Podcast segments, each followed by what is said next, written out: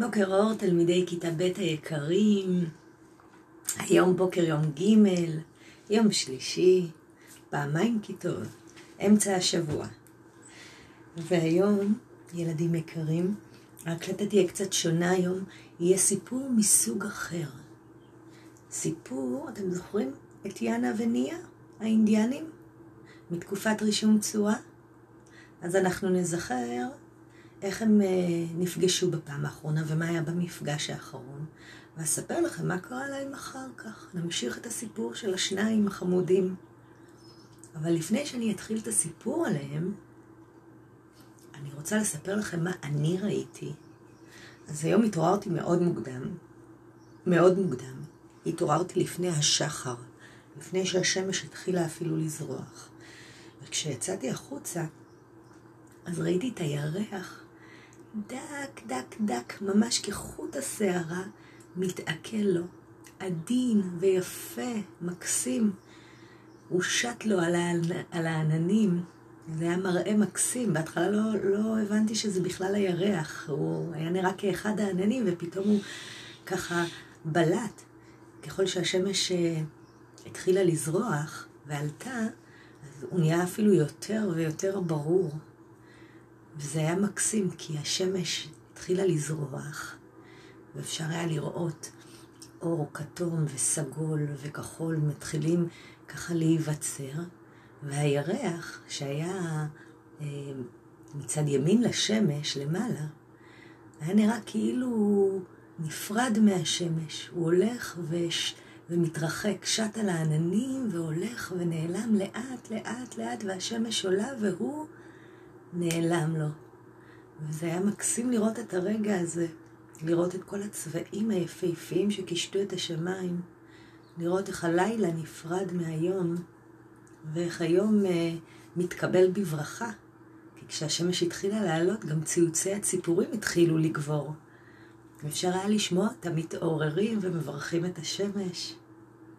זה היה מראה ממש משגע, אפשר להגיד. זה מה שראיתי היום, ואני רוצה עכשיו, ילדים יקרים, לנסות להיזכר איתכם יחד מה קרה ליאנה וניה בפעם האחרונה. אם אתם זוכרים, הם נפגשו, הם נפגשו שם על שפת הנהר בכל יום, נכון? ועשו כל מיני דברים ביחד. עשו כל מיני תנועות וצורות, וקפצו, והלכו ורצו קדימה ואחורה. ובאמת אה, הימים החלו להתקצר לאט לאט לימי הקיץ, והסתיו התחיל להגיע, והבקרים התחילו להתקרר, והרוחות התחילו לנשוב, ויאנה וניה הבינו שהגיע הזמן להיפרד. ובאמת בלילה, בבוקר האחרון של, של, של הסתיו, ממש לפני החורף, הם הלכו להיפגש ליד הנהר, ואז צמח שם עץ, עץ רימון קסום, שפתאום צמח באמצע הנהר, ממש במרכז, והוא שלח ענפים ארוכים לשתי הקצוות של, ה, של הנהר. וגם יאנה וגם ניה, כל אחד בצידו האחר של הנהר, כתב לו רימון מהעץ. זה היה עץ רימונים, נכון? פרחו עליו, פר... אה, צמחו עליו פירות אדומים, גדולים, עסיסיים. כל אחד מהם כתף את הפרי ואכל אותו, ונצבע באדום, והפרי היה מתוק וטעים, מלא במיץ. הם גם הצליחו לקטוף עוד איזה כמה לבית שלהם, וככה הם נפרדו אה, עם ברכה של הצלחה. הם היו קצת עצובים על הפרידה הזו, אבל מצד שני הם היו מאוד שמחים, כי החורף הביא איתו הרבה דברים נפלאים שהאינדיאנים עושים בחורף, כל אחד בשבט שלו. אז, אמ, אז באמת אה, ההרפתקאות של, ה, של החורף, אז הזכרתי לכם, יש את המזחלות שלג שהם בונים, כי העמק שם מתמלא כולו בשלג. כל כך הרבה שלג שלפעמים אי אפשר לצאת אפילו כמה ימים מה, מהטיפי. אז האינדיאנים באמת צברו מזון, הם אחסנו כמו הנמלה החרוצה, מזון לחורף, ו- והם התעסקו בפעילויות החורף. כל משפחה התכנסה לה בתוך הטיפי שלה, ושם סביב המדורה הם היו עוסקים בכל מיני מלאכות יד נפלאות, כמו רקמה ותפירה. הם תפרו לעצמם בגדי אור ופרוות, ישבו וגילפו עצים והכינו כלי, כלים, כלי אוכל, או אפילו קשת וחץ. הם כלאו סלים לקראת האביב, אז באביב הם יוצאים וקוטפים כל מיני פירות, אז, אז הם כלאו סלים, אז הם הכינו גם מסחלת שלג, אפילו אה, ניה אמרה שהיא מאוד אוהבת לאלף את כלבי השלג ולטפל בהם בתקופה הזו. אז באמת החורף הביא המון המון חוויות. עכשיו אני אספר לכם חלק מהחוויות שהם אה, חוו. למשל, אה, ניה לילה אחד ישבה עם המשפחה שלה והקשיבה לסיפורי שבט מופלאים. ורקמה לה רקמה יפה של עץ הרימון, העץ שהיא ראתה, העץ שלה ושל אה, יאנה. ו... והקשיבה לסיפורים המופלאים. ובאחד הסיפורים סיפר לה אבא שישנו ריקוד משפחתי, מסורתי, אינדיאני, שכל משפחה נוהגת לרקוד אותו בתוך האוהל שלה. בני המשפחה רוקדים יחד. והריקוד הזה מזמין את הרוח הגדולה, הרוח הגדולה שהאינדיאנים האמינו בה, שהיא נמצאת בכל מקום, היא נמצאת בשמיים, היא נמצאת באדמה, היא נמצאת בחיות, היא נמצאת באדם.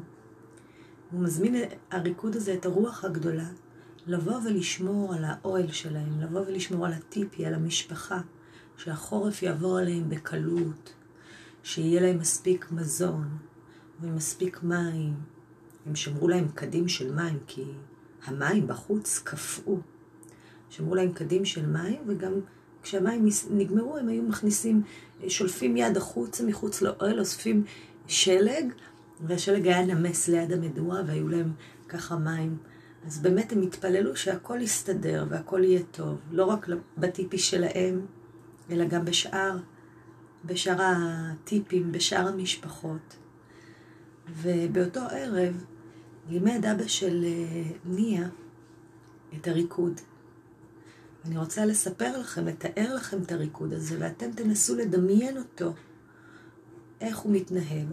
ואני, כששמעתי על הסיפור הזה, אני אפילו ניסיתי לרקוד אותו עם עצמי, וכשמרדכי הסתכל עליי, הוא לא הבין מה אסתר עושה? ואז הסברתי לו שזה ריקוד אינדיאני מסורתי. זה קצת הזכיר לי אפילו איזשהו שיעור שאנחנו עושים. אחרי זה נראה אם מישהו יודע איזה שיעור זה מזכיר.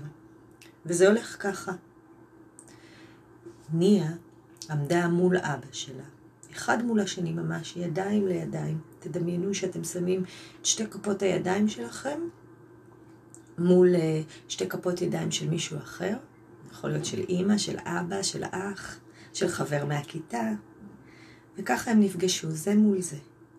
ואז, עם סימן מדויק, ולפי השיר האינדיאני שהם שרו, הם נעו שמאלה במין מעגל, חצי מעגל, עצרו, נפגשו שוב, שוב נעו שמאלה בחצי מעגל, עצרו ונפגשו, ובפעם הזו שהם נפגשו, פעם שלישית בעצם, הם עשו מין קשת גדולה אחורית לכיוון ימין חזרה לאותה נקודה שהם התחילו בה.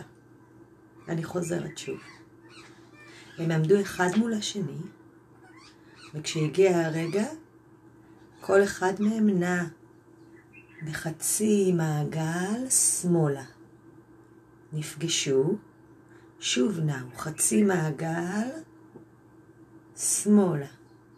שוב נפגשו פעם שלישית. פעם השלישית נעו בחצי מעגל גדול יותר, אחורנית, לצד ימין, לנקודת ההתחלה שבה התחילו. אני רוצה להזמין אתכם, ילדים יקרים, לנסות לעשות את התנועה הזאת בבית, ומי שעושה אותה או חושב, ש...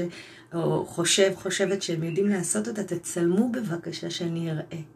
בדרך כלל בכיתה אנחנו שואלים, איך עושים את זה? מה אתם עושים? איך נראה לכם שהתנועה נראית? אז תנסו רגע לדמיין אותה ותנסו רגע לעשות אותה. ובהמשך אנחנו גם ננסה לצייר אותה. ואני מקווה שבמפגשים הקרובים אנחנו גם ננסה לעשות אותה.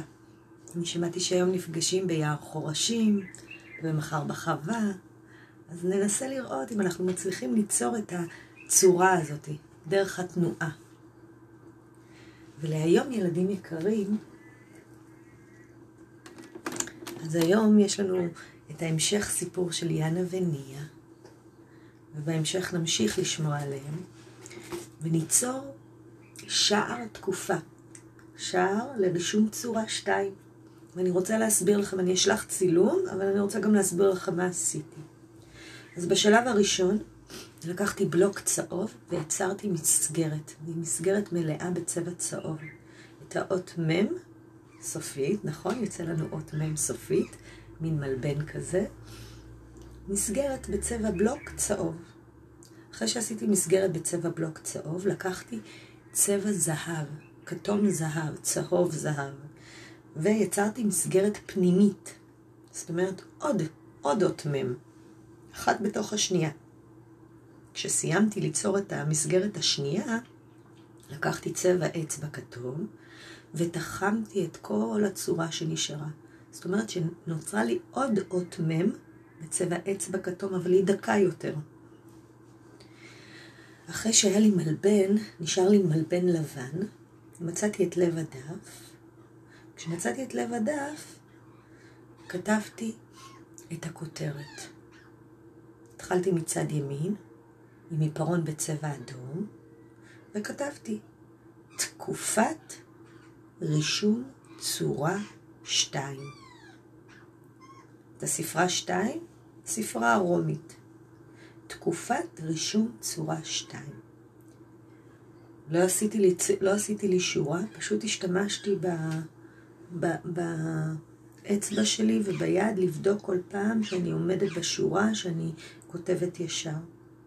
אחרי שעשיתי לי את הכותרת הזאת במרכז הדף הלבן שנותר לי, לקחתי צבע אצבע כתום ועשיתי איתור לכותרת. מלמטה עשיתי קשתות, כמו קפיצות הסנאי, רק הפוכות. עשיתי קפיצות מצד ימין לצד שמאל, מתחת, כמו איתור. ואז עם אותו צבע אצבע כתום עשיתי איתור מעל הכותרת.